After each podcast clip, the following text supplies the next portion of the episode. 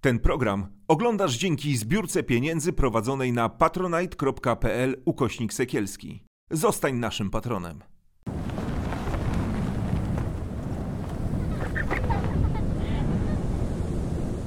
Dzień dobry, a może dobry wieczór. Nie wiem, o której porze nas oglądacie. E, Cieszę się bardzo, bo mm, jednym z pierwszych naszych gości nowego cyklu rozmów na Sekielski Brothers jest pani Ewa Wojdyło, która przyjęła nasze zaproszenie. Pani Ewo, był tenis w tym roku? Ale jakże, oczywiście. Wygrała pani? Nie, to jest takie sparingowe. To Tak? są takie Ale zabawy. systematycznie. Tak, to są takie zabawy. Ale Mhm. tak, jeżeli dochodzimy do punktów, to potem już jest walka. Tylko bardzo często na rozgrzewkę zużywamy tyle czasu, że patrzymy, ojej, już pora. A Mhm. jeszcze ogromną, wspaniałą częścią tenisa to jest w przerwach picie wody i co u ciebie słychać? A co u ciebie słychać? A ja właśnie mam gości. A ja nigdy nie byłam w gościach sama. Ojej, jak... No i już mamy... Także tenis to jest, wie pan, to jest cała kultura bycia. Sport chyba w ogóle. Ale może zacznijmy trochę poważniej, bo y, pani pewien czas spędziła w Stanach Zjednoczonych. Ja czytałem ostatnio, że tam się dość prężnie rozwija rynek terapii ludzi, którzy wychodzą z pewnych opresyjnych, mm, mentalnych paradygmatów religijnych. E, to są osoby, e, które mówią o strachu przed diabłem w wieku 45 lat. To są kobiety, które nie potrafią się odnaleźć w związku z uwagi na pewną purytańską kulturę. Oczywiście Ameryka jest atomizowana, jeśli chodzi o religię, my jesteśmy bardziej unitarni, ale czy myśli Pani, że rynek na takie usługi, nie pytam oczywiście, żeby, żeby badać, sądować ten rynek e, psychologów, się otworzy, a może on już jest po prostu, może to nasze wychowanie coś z nami robi. E, pani kiedyś mówiła o, tam, o takim paradygmacie dźwigania swojego krzyża. Czy to jest problem, czy to jakoś mm, Myślę, jest... że u nas bez terapii dzieją się takie procesy, zachodzą te procesy, które zrzucają po kolei być może cieniusieńkie warstewki takich naleciałości, takiego, takiej patyny, która bardzo do niedawna trzymała się strasznie mocno na człowieku. I poczucie grzechu, ciągłe szukanie w sobie grzechu, to już minęło chyba. Y, Sądząc po jawności i takiej swobodzie manifestowania odmienności albo zdrady, nawet mówi się o tym, kobiety zaczęły mówić, że właśnie myśmy do tej pory były zawsze w tej biernej roli, a teraz to już możemy jechać w delegację i tam mieć romans, a mąż zostaje z dziećmi i my wracamy i nasze małżeństwo z tego powodu nawet rozkwita. Czyli proszę, to są rzeczy, które na razie są bardzo niszowe. Nie możemy przypisywać im znaczenia jakiegoś ruchu społecznego. Ale tak, to się zmienia. Natomiast Ameryka w ogóle jest bardzo ciekawym narodem, bardzo ciekawym krajem. Może dlatego, że to był kraj bez długiej tradycji, tylko powstawał jako tygiel, jako zlepek. I do Ameryki jechała bardzo specyficzna kombinacja czy konstelacja osobowości. Musieli to zawsze być ludzie odważni. Czyli ponadprzeciętnie, jeżeli mamy populację przeciętną, to odważnych jest 8% albo 12%. A w Ameryce nasycenie takimi ludźmi było 95%, ponieważ przy, nawet do dzisiaj, mimo że już nie trzeba tej cywilizacji budować, już się jedzie na gotowe, ale też ze względu na różne uwarunkowania, imigrant w Ameryce jest akceptowany każdy. To jest jedyny kraj na świecie, gdzie nikogo nie interesuje Twoja narodowość, ponieważ natychmiast stajesz się Amerykaninem, nawet jak masz tylko green card. Otrzymujesz zatem wszelkie prawa jakie? Obywatelskie. Otóż prawa obywatelskie to jest dorobek współczesności. To w ogóle jeszcze XIX wiek nie miał obywateli w ogóle. Byli klasy, grupy, zróżnicowanie. Natomiast obywatel to jest wyższa ranga rozumienia pewnej przynależności. I wcale nie jest określona kolorem skóry, rasą. Zupełnie nie. No i to jest Ameryka. Teraz druga rzecz, która tu dotyka dokładnie pytania czy kwestii poruszonej. Dobrze wiem, bo ja akurat studiowałam i to co studiowałam? Psychologię, więc ja byłam prawie, że w, i to w Kalifornii, czyli w takiej awangardowej Liberalnej części. bardzo, tak. tak. I to był czas, 80. lata, w których bardzo wiele przełomów nastąpiło, związanych z odkryciami. Odkrycia miały charakter empiryczny, badawczy. To nawet nie były naukowe odkrycia, tylko społeczne. Niebywale ciekawe. Tam się pojawiły wtedy takie dojrzałe koncepcje nowej zupełnie dziedziny zdrowia czy choroby, to jest uzależnienia. Dopiero w 1981 roku Międzynarodowa, jak to się nazywa, Światowa Organizacja Zdrowia wpisała na listę chorób, wpisała alkoholizm. A potem, parę lat później, zmieniła alkoholizm na uzależnienie. Ale to był czas rodzenia się tej dziedziny bardzo wiele takich pojęć, które wiążą się z terapią. Dlaczego ten młody naród, ten młody kraj obywateli nie, nie bał się, no bo jest odważny. Odważniejszy niż przeciętnie cały świat, a już Europa w szczególności, czy Azja. I nie bał się czego? Mówić, nie potrafię, naucz mnie, pomóż mi, nie daję rady, ponieważ poczucie wartości tam w ogóle nie zależy od przynależności kastowo-grupowo, jakiejś pochodzeniowej. U nas wystarczy założyć sygnet. Wystarczyło, bo teraz to już wypłukało się. Wystarczyło założyć sygnet, żeby ciebie szanowano. A ty mogłeś być łobuzem ostatnim, nawet przestępcą, ale z sygnetem. Trochę zostało tego w kościele. Tak. Wystarczy, że tłusta ręka z wielkim rubinem czy szmaragdem wystawiona jest i tę rękę całują mężowie stanu.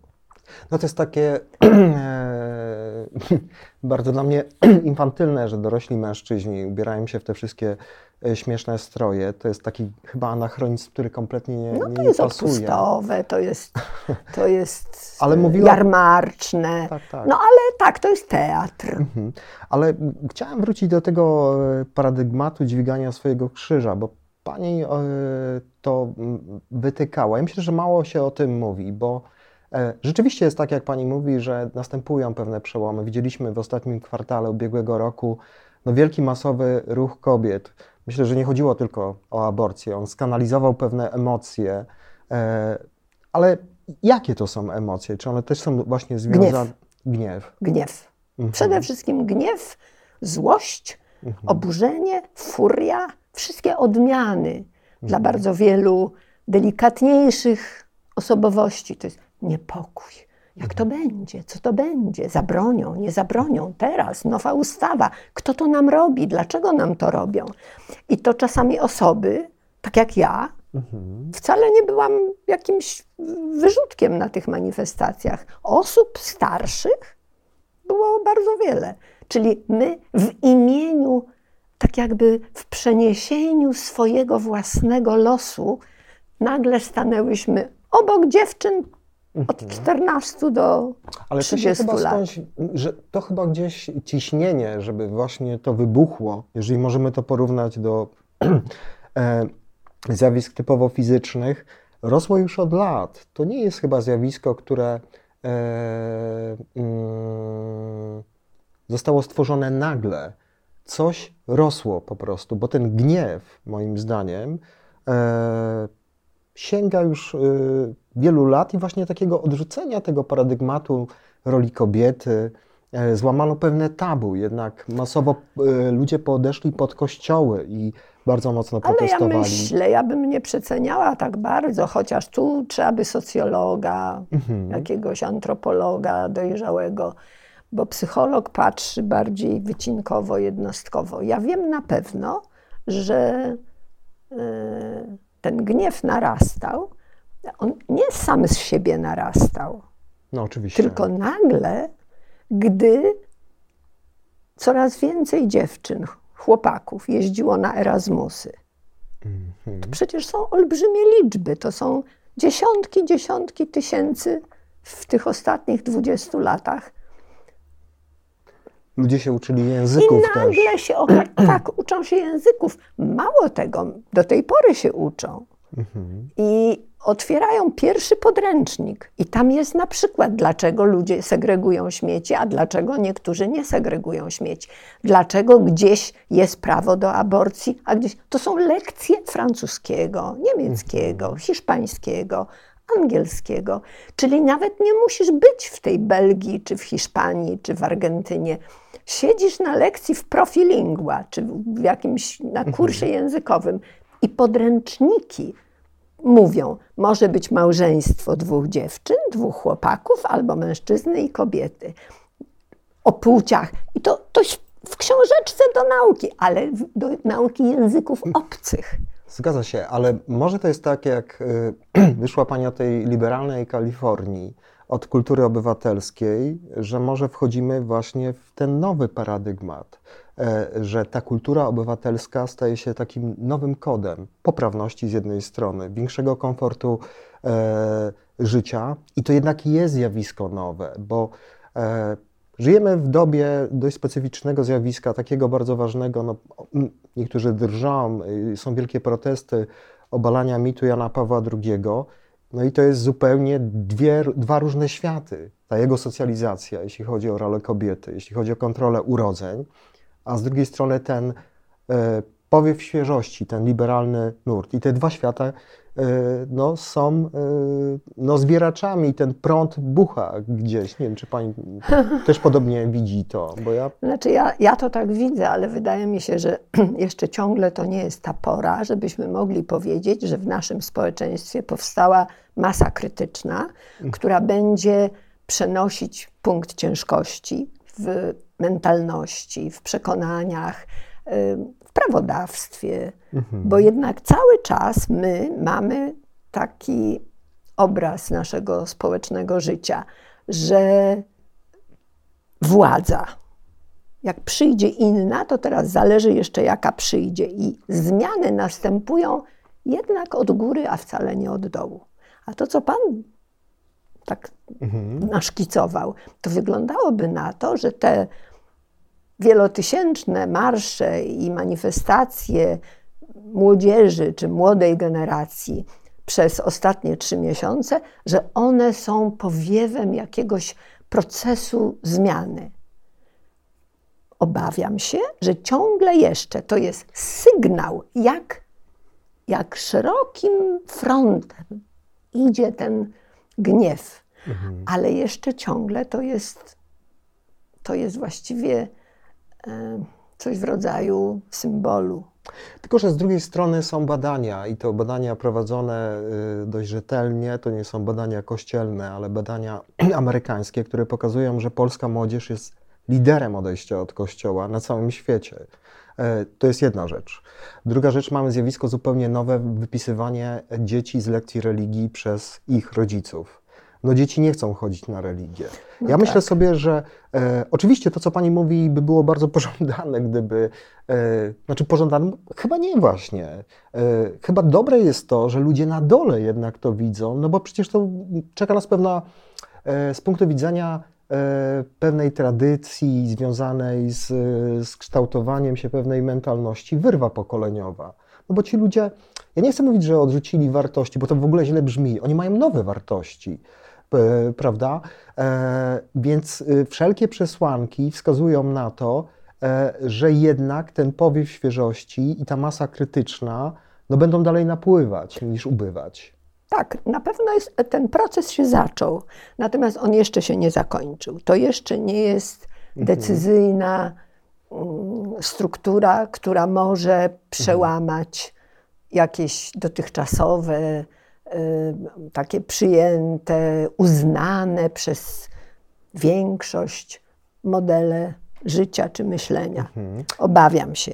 Ale tak, ja też uważam, że jest to wielce pozytywne zjawisko, że tylko może sobie nie można tak zbyt optymistycznie obiecywać po nim. Mhm. Ja się zastanawiam tylko, w jaki sposób to będzie przebiegało. Może się mylę, pani ma tu większe doświadczenie i pewnie większy zasób y, takiej obserwacji uczestniczącej, bo lata 80. jednak to był pewien, nie wiem czy koniec, czy środek pewnego procesu, bo bardzo ważnym zjawiskiem kulturowym e, w XX wieku była tak zwana rewolucja seksualna.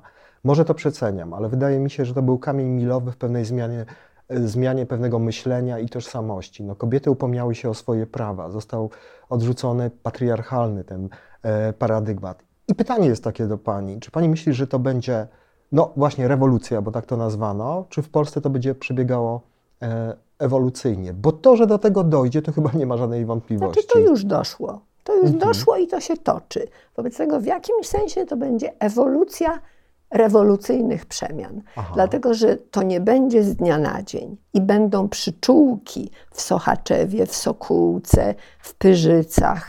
Na Podkarpaciu w, nawet ponoć są. Tak, y, w wioseczkach, gdzie nawet jeżeli ktoś, ktoś kobiety poczują, że, że pora na zmianę, to one najpierw wyjadą z tej Sokółki. One w Sokółce nie będą mogły zostać, dlatego że jest taka siła i tak niesamowita moc władzy, którą ma Kościół. Mhm. Faktycznie polska młodzież od, odwraca się od Kościoła bardziej aktywnie niż w innych krajach. Ale główną przyczyną tego jest zaprzepaszczenie. W ogóle sam Kościół przegrał potwornie że się połakomił na szkołę. Mm. Religia w szkole była od początku do niczego. Pani premier Suchocka po cichutku z Watykanem obgadała i w nocy Sejm uchwalił. No takich mieliśmy kiedyś liberałów, miejmy nadzieję, że ci nowi, No tak, ale przyjdą... wprowadzenie religii do szkoły spowodowało, że przestała to być religia, jeżeli już w ogóle, tylko zro, zrobiła się indoktrynacja mitologii chrześcijańskiej jako nauki, jako wiedzy. Mało, przecież był postulat, nie wiem co się z nim stało, bo on ciągle jest jeszcze w, prawdopodobnie w użyciu, ale to był w ubiegłym roku bodajże, był postulat, żeby była religia na maturze. Chciałem Panią spytać o spowiedź. No jest Pani psychologiem. E, osobą, e, która jest doskonale zorientowana w, w tej psychologii takiej rozwojowej. E, czy pomysł jednego z piusów papieży no, na początku XX wieku, żeby dzieci w wieku 9 lat przystępowały do spowiedzi, jest trafny. To jest pytanie może banalne, ale żeby je podbudować pewnym przykładem, sam pamiętam, że to właśnie doświadczenie spowiedzi było w moim przypadku takim e, zaczynem budowania pewnej relacji przez księdza, który później mnie e, skrzywdził. On bardzo mocno wchodził w tematy związane z intymnością.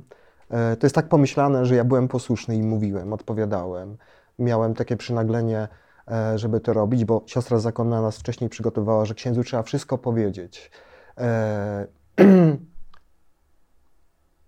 Co się dzieje z takim dzieckiem, które staje sam na sam a w zasadzie nie staje, tylko klęczy e, i opowiada o swojej ciemnej stronie. Czy ono ma poczucie w ogóle tej ciemnej strony w wieku 9 lat? No, zaczyna, zaczyna szukać tej ciemnej strony i przeważnie znajduje, bo mu pomagają w tym. No ponieważ y, te grzechy w wieku mhm. 9 lat, to takiemu dziecku w ogóle do głowy nie przyjdzie, ponieważ to są jego naturalne, właściwie takie odruchowe zachowania, które nagle urastają do potępieńczej miary. I zostawia to ślad do końca życia u mhm. wielu, a my w Polsce i zresztą w innych krajach, właśnie katolickich, bo mhm. chrześcijaństwo, inne protestanckie religie wcale nie mają takiego rygoru reżimu, jeżeli chodzi o tam dopiero wiek, powiedzmy 15 czy 16 lat, staje się tym momentem przełomu tak jak w żydowskiej religii Jom Kippur mhm. czy coś. A tutaj małe dziecko, które kompletnie ono zło i dobro rozróżnia wyłącznie przez to, jak, się- jak, jak, jest, jak się dobrze czuje, jak mu miło, to jest dobre, a jak mu nie miło, to jest niedobre. I teraz robienie temu dziecku, stwarzanie sytuacji, w której on się poczuje niemiło, wymusi na sobie to. I czasami te dzieci frantycznie szukają. Jeden od drugiego ściąga sobie swój rachunek sumienia, bo w ogóle nie wiedzą nawet, gdzie tego szukać. No właśnie. Mało tego, księża, tu zresztą Pan o tym powiedział, podpowiadają. Czyli dziecko, które dotknie swoich genitaliów, nagle przestaje być dzieckiem. Mm. Dlatego, że nagle Dzieckiem Bożym. dowiaduje się, że to jest coś strasznie brudnego. Stąd później takie problemy, które ma naprawdę, to tak w przekroju nacji całej, no to poczucie wartości to jest jakiś, jakiś konstrukt potwornie chory. I tutaj psychologia rozwojowa chyba mówi, że to poczucie wartości właśnie zachwiane i złamane w takim wieku, A poczucie wartości powstaje przez poczucie, że ja robię coś dobrego. Mm. A jak ja przychodzi ktoś i mi mówi, a teraz tym wszystkim, co tutaj się dzieje, ty będziesz szukał w sobie. I to zawsze, bo tam na górze jest pan z brodą, który cały czas cię widzi. Ty go nie widzisz, ale on cię widzi. I czy ja jestem w łazience, czy ja się załatwiam, czy ja się rozbieram, przebieram. I stąd jest tak potworny wstyd swojego ciała. Znaczy, to jest mi bliskie, co pani mówi, bo ja miałem taki obraz Boga, takiej figury, figury Boga, no to oczywiście mówię z perspektywy, tak sobie to nazywam, jako takiego starca, który gdzieś tam siedzi na górze, ma dużo monitorów różnych. Jako dziecko tak sobie to wyobrażałem i w jakimś zeszyciku zapisuje, co ja robię No źle, tak. A co ja I wszystko e, wie, robię i wszystko, dobrze. I po prostu jest podglądaczem. No właśnie. Jest w ogóle czymś strasznym. Mhm. Budzi lęk, bo on robi to po to, żeby mnie karać. Ale po co Kościół to robi? No przecież figura Boga, który stara się zrozumieć, a nie oceniać, e, jest bardziej na to, przyjazna. Na to jest jedna odpowiedź. Władza, która wzbudza, wszystko jedno jakimi metodami, powoduje, że pod, pod, podlegli tej władzy będą żyli w strachu. W poczuciu winy. w poczuciu strachu, poczuciu winy, poczuciu wstydu. Przecież wstyd zaszczepia Kościół. W ogóle u nas się nawet przyjęło, to nie we wszystkich krajach. Ja znam kilka języków. We Włoszech nie ma słowa takiego wstydź się do dziecka. Jak ci nie wstyd? Mówi nauczycielka do y, Krzysia, który nie odrobił wypracowania, nie napisał. Jak ci nie? Jaki wstyd? O co tu wstyd? Wstyd to jest bardzo przydatna emocja, to jest uczucie, ale ono się pojawia, gdy ma się bardzo wysoko rozwiniętą skalę moralną. I w, a u nas ludzie się wstydzą, że jest Żydem, albo wstydzą się, że ma 1,60 m wzrostu, a nie 1,80 m. U nas się kobieta wstydzi, że jest dziewczynką, a nie chłopcem. Jak tatuś powie, nie, znowu dzie, dziewucha i tak dalej. Czyli wstyd u nas jest po prostu jest rozrzucany i trafia jak policzek. No tak, ale y, Więc Kościół przez te swoje właśnie takie y, okrzepłe, y, sztywne dogmaty, reguły, niestety robi psychologicznie, bo Pan zapytał jako psychologa. tak. Psychologicznie robi bardzo wiele złego. Złego dla poczucia szczęścia, dla poczucia radości życia, dla poczucia wspólnoty, ponieważ ludzie się jeden przed drugim chowają, bo się boją, bo się wstydzą. Mają instancje w postaci księdza i tam próbuje, ale potem też jest niekonsekwencja, bo idzie, wyspowiada się, potem odmówi ileś pacierzy i już może na nowo, bo zaraz znowu idzie do tej spowiedzi. Czyli w gruncie rzeczy jest to religia bezkarności. Mhm. Znaczy, no z całą pewnością e, nie uczy zrozumienia, tylko no, w takim e, procesie właśnie takiego oczyszczenia co jakiś czas e, może powodować wręcz jakąś rozwiązłość, tak? bo e, bardzo łatwo sobie wszystko usprawiedliwić. E, ale mm, to nie tylko Kościół, bo to jest chyba dość mocno e, osadzone też w naszej e, literaturze, w pozytywizmie No, zwłaszcza. skąd się ona wzięła przecież? Zgadza się, zgadza się. Tylko mm, pytałem o to właśnie o, o, o to, jaka jest szansa na dekonstrukcję tych wielkich mitów e, zbudowanych właśnie, no, być może na fundamencie e, e, Kościoła. E, I pani, jak rozumiem, jest zwolennikiem takiego myślenia i taką intuicję ma, że to będzie ewolucja. Ale z drugiej strony mam wrażenie takie, że my już żyjemy mentalnie, myślę o tutaj młodych ludziach, w zupełnie innym jednak świecie, innych po prostu pa, No. par, paradygmatów. Przede wszystkim się ze względu na różnorodność doświadczeń, a Mhm. one wynikają, doświadczenia wynikają z aktywności życiowej i z możliwości życiowych i z, nie powiem dostępu, Mhm. ale skorzystania z źródeł. Mhm. Na przykład książki u nas czyta bardzo mało ludzi. No zdecydowanie mniej Czesi, Francuzi. No więc właśnie. Wobec Mhm. tego, my nie, jeżeli nawet jest tak gdzieś źródło takiego oczyszczającej mądrości, wiedzy, to u nas i biblioteki są Mhm. na każdym rogu. To u nas korzystających z tego źródła jest znacznie mniej niż gdzie indziej. Mhm. No to tym, a, a jeszcze podróże niech pan weźmie. Ludzie jeżdżą dla przyjemności. Mało kto jeździ dla przeżycia kultury innej. Aha. Zwiedza się hotel all inclusive, Hedonizm Y, taki trochę. nurkuje się, ale jak się jedzie do Egiptu, to mało kto studiuje, jak to było, że 5 tysięcy lat przed naszą erą tam już był Bóg Stwórca, który stworzył ziemię, człowieka, zwierzęta, góry, morza. Mhm. Czyli tak jakby pradziadek Boga chrześcijańskiego. Bo Bóg Re, Bóg Słońce, tam już był symbol krzyża. Nie dlatego, że kogoś krzyżowano, tylko dlatego, że tak rozrysowywano mapy nieba. To samo Asyria, to samo inne, wszystkie kultury przez dzieje. Jeżeli ludzkość w cywilizacji obecnej ma 10 tysięcy lat, to od 10 tysięcy lat my mamy dokładnie ten sam sposób, ale to są baśnie, mity. Mhm. I one są cudowne. I w pewnym momencie w życiu potrzebne są, ale nie jako nauka, nie jako wiedza, nie jako wiara. Mhm. My czytamy baśnie Grima czy baśnie Andersena i dowiadujemy się, że może być dobry brat i zły brat.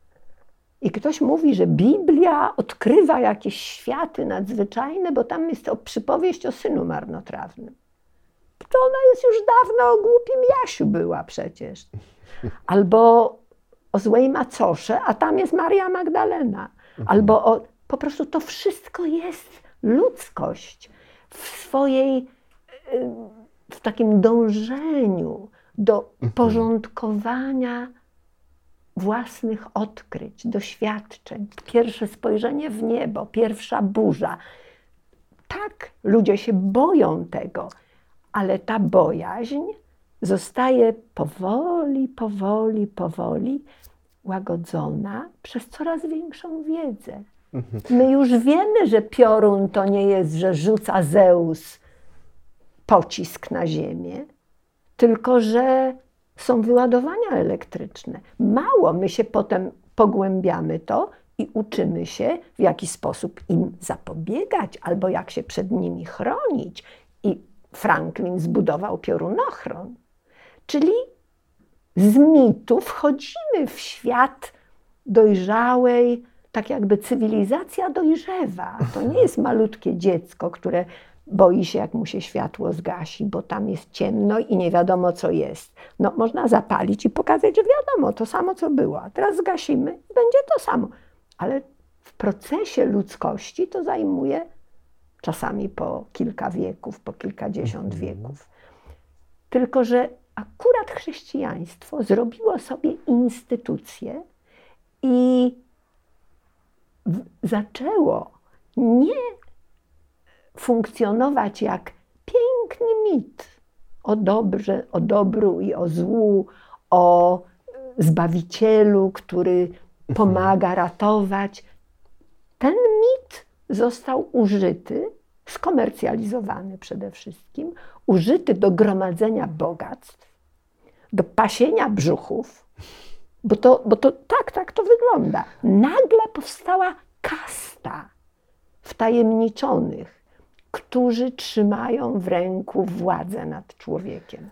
No z całą pewnością tak i jest to widoczne zwłaszcza w takich e, krajach jak Polska, unitarnych religijnie. Myślę, że gdzie, tam, gdzie religie się ścierają, gdzie jest ich dużo, te warunki są, e, są o wiele gorsze dla, dla tego typu no cwaniaków, powiedzmy Nawet sobie się nie szczerze. ścierają, współistnieją. Współistnieją.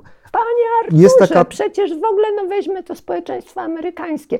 Tam nikt się nie kłóci o Pana Boga. Z całą pewnością tak i y, to jest bardzo y, wysoko pozycjonowane prawo A, konstytucyjne AA jest związane. bardzo pięknie powiedziane, w ogóle jest fraza, O Bóg jakkolwiek wyższej. go pojmujemy. O sile wyższej, tak.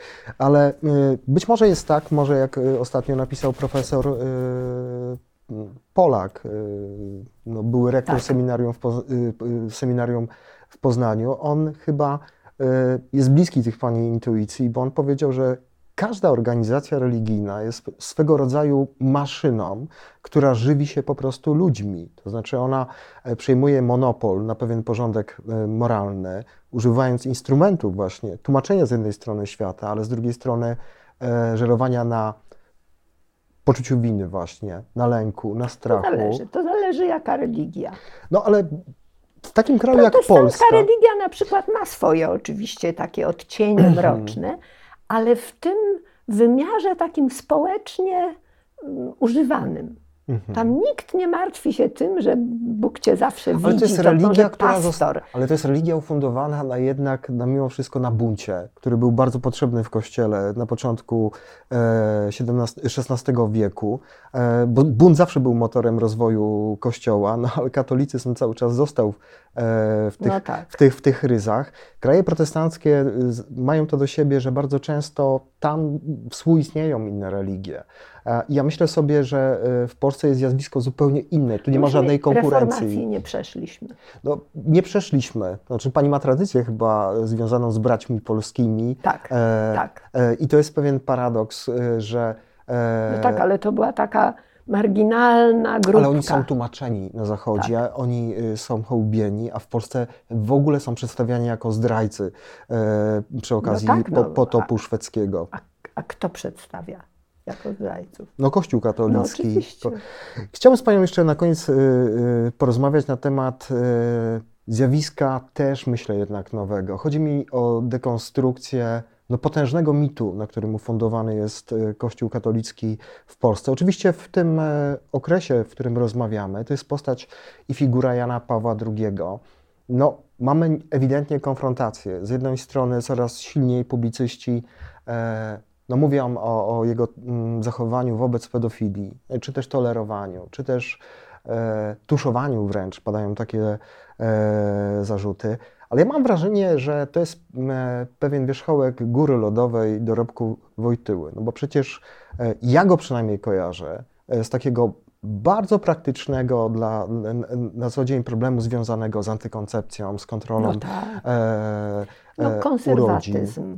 Taki Nieprawdopodobny- konserwatyzm, który- który zatrzymał tendencje ku zmianom, bo one się pojawiały i ja myślę, że dlatego zresztą Niemcy, biskupi niemieccy desygnowali Karola Wojtyłę, ponieważ wiedzieli, że z tego środowiska taki małomiasteczkowy księżulo, który się otarł o uniwersytety, ale jednak jest korzeniami w swojej mamusi ze wsi, z tatusia, z małego miasteczka, że on będzie trzymał strasznie silnie, a że był to jeszcze człowiek obdarzony charyzmą, a że był to człowiek intelektualnie wyżej niż przeciętni, to, to idealnie pasował do spełnienia tej roli.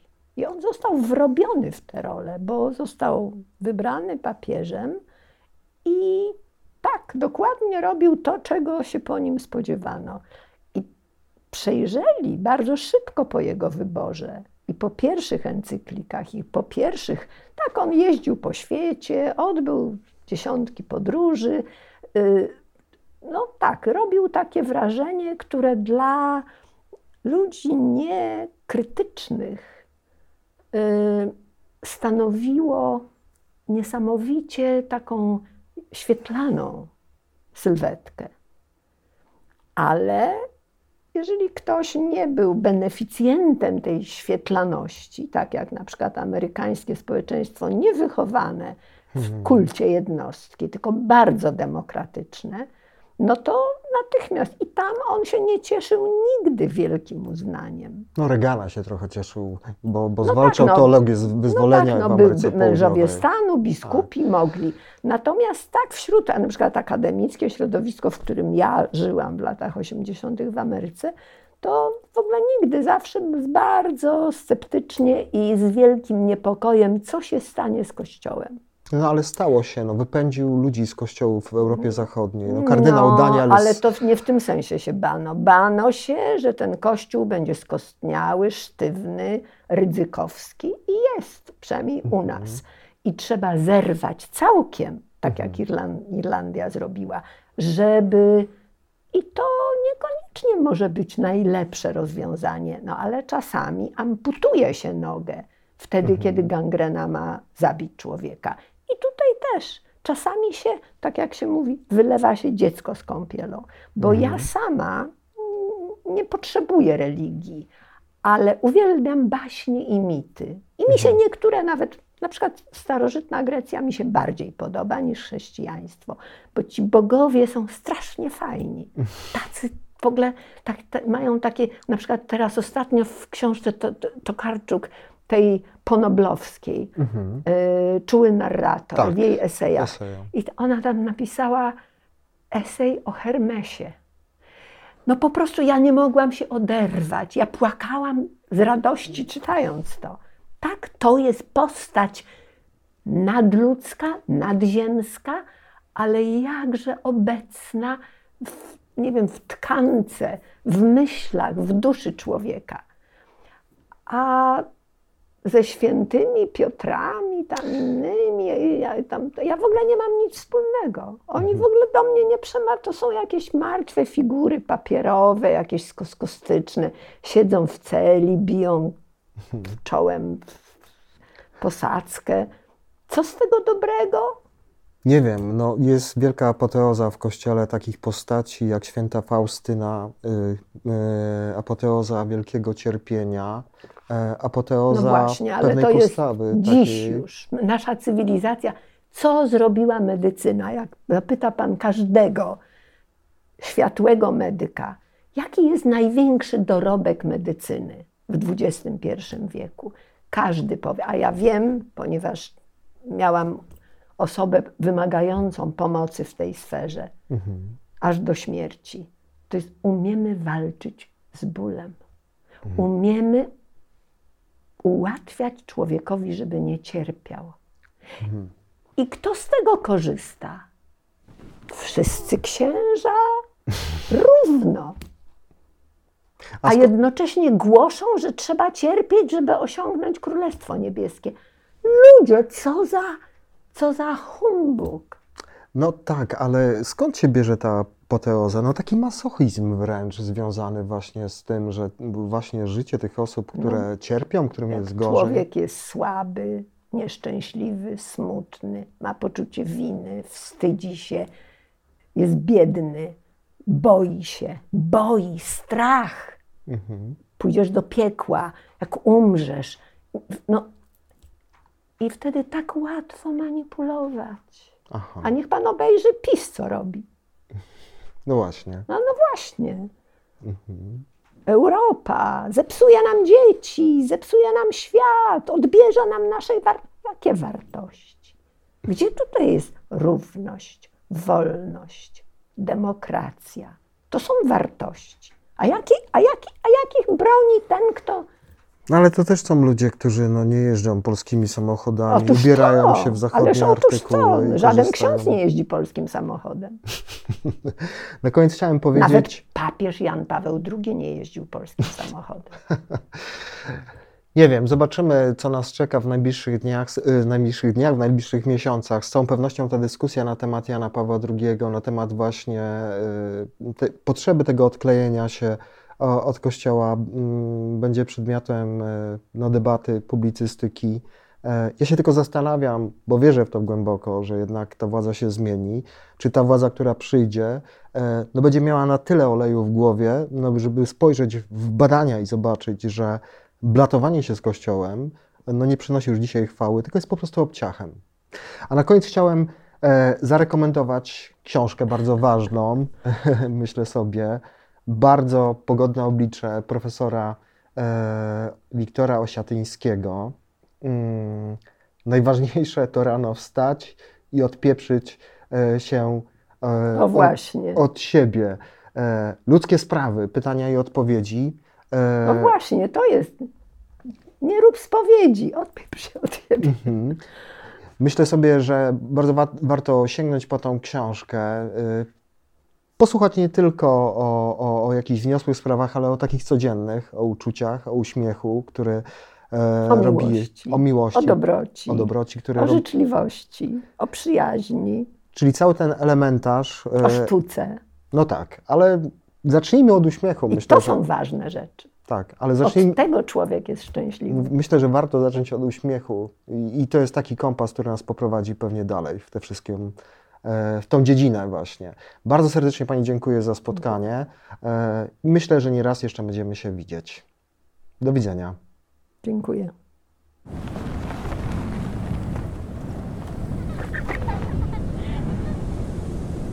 Ten program oglądałeś dzięki zbiórce pieniędzy prowadzonej na patronite.pl ukośnik sekielski.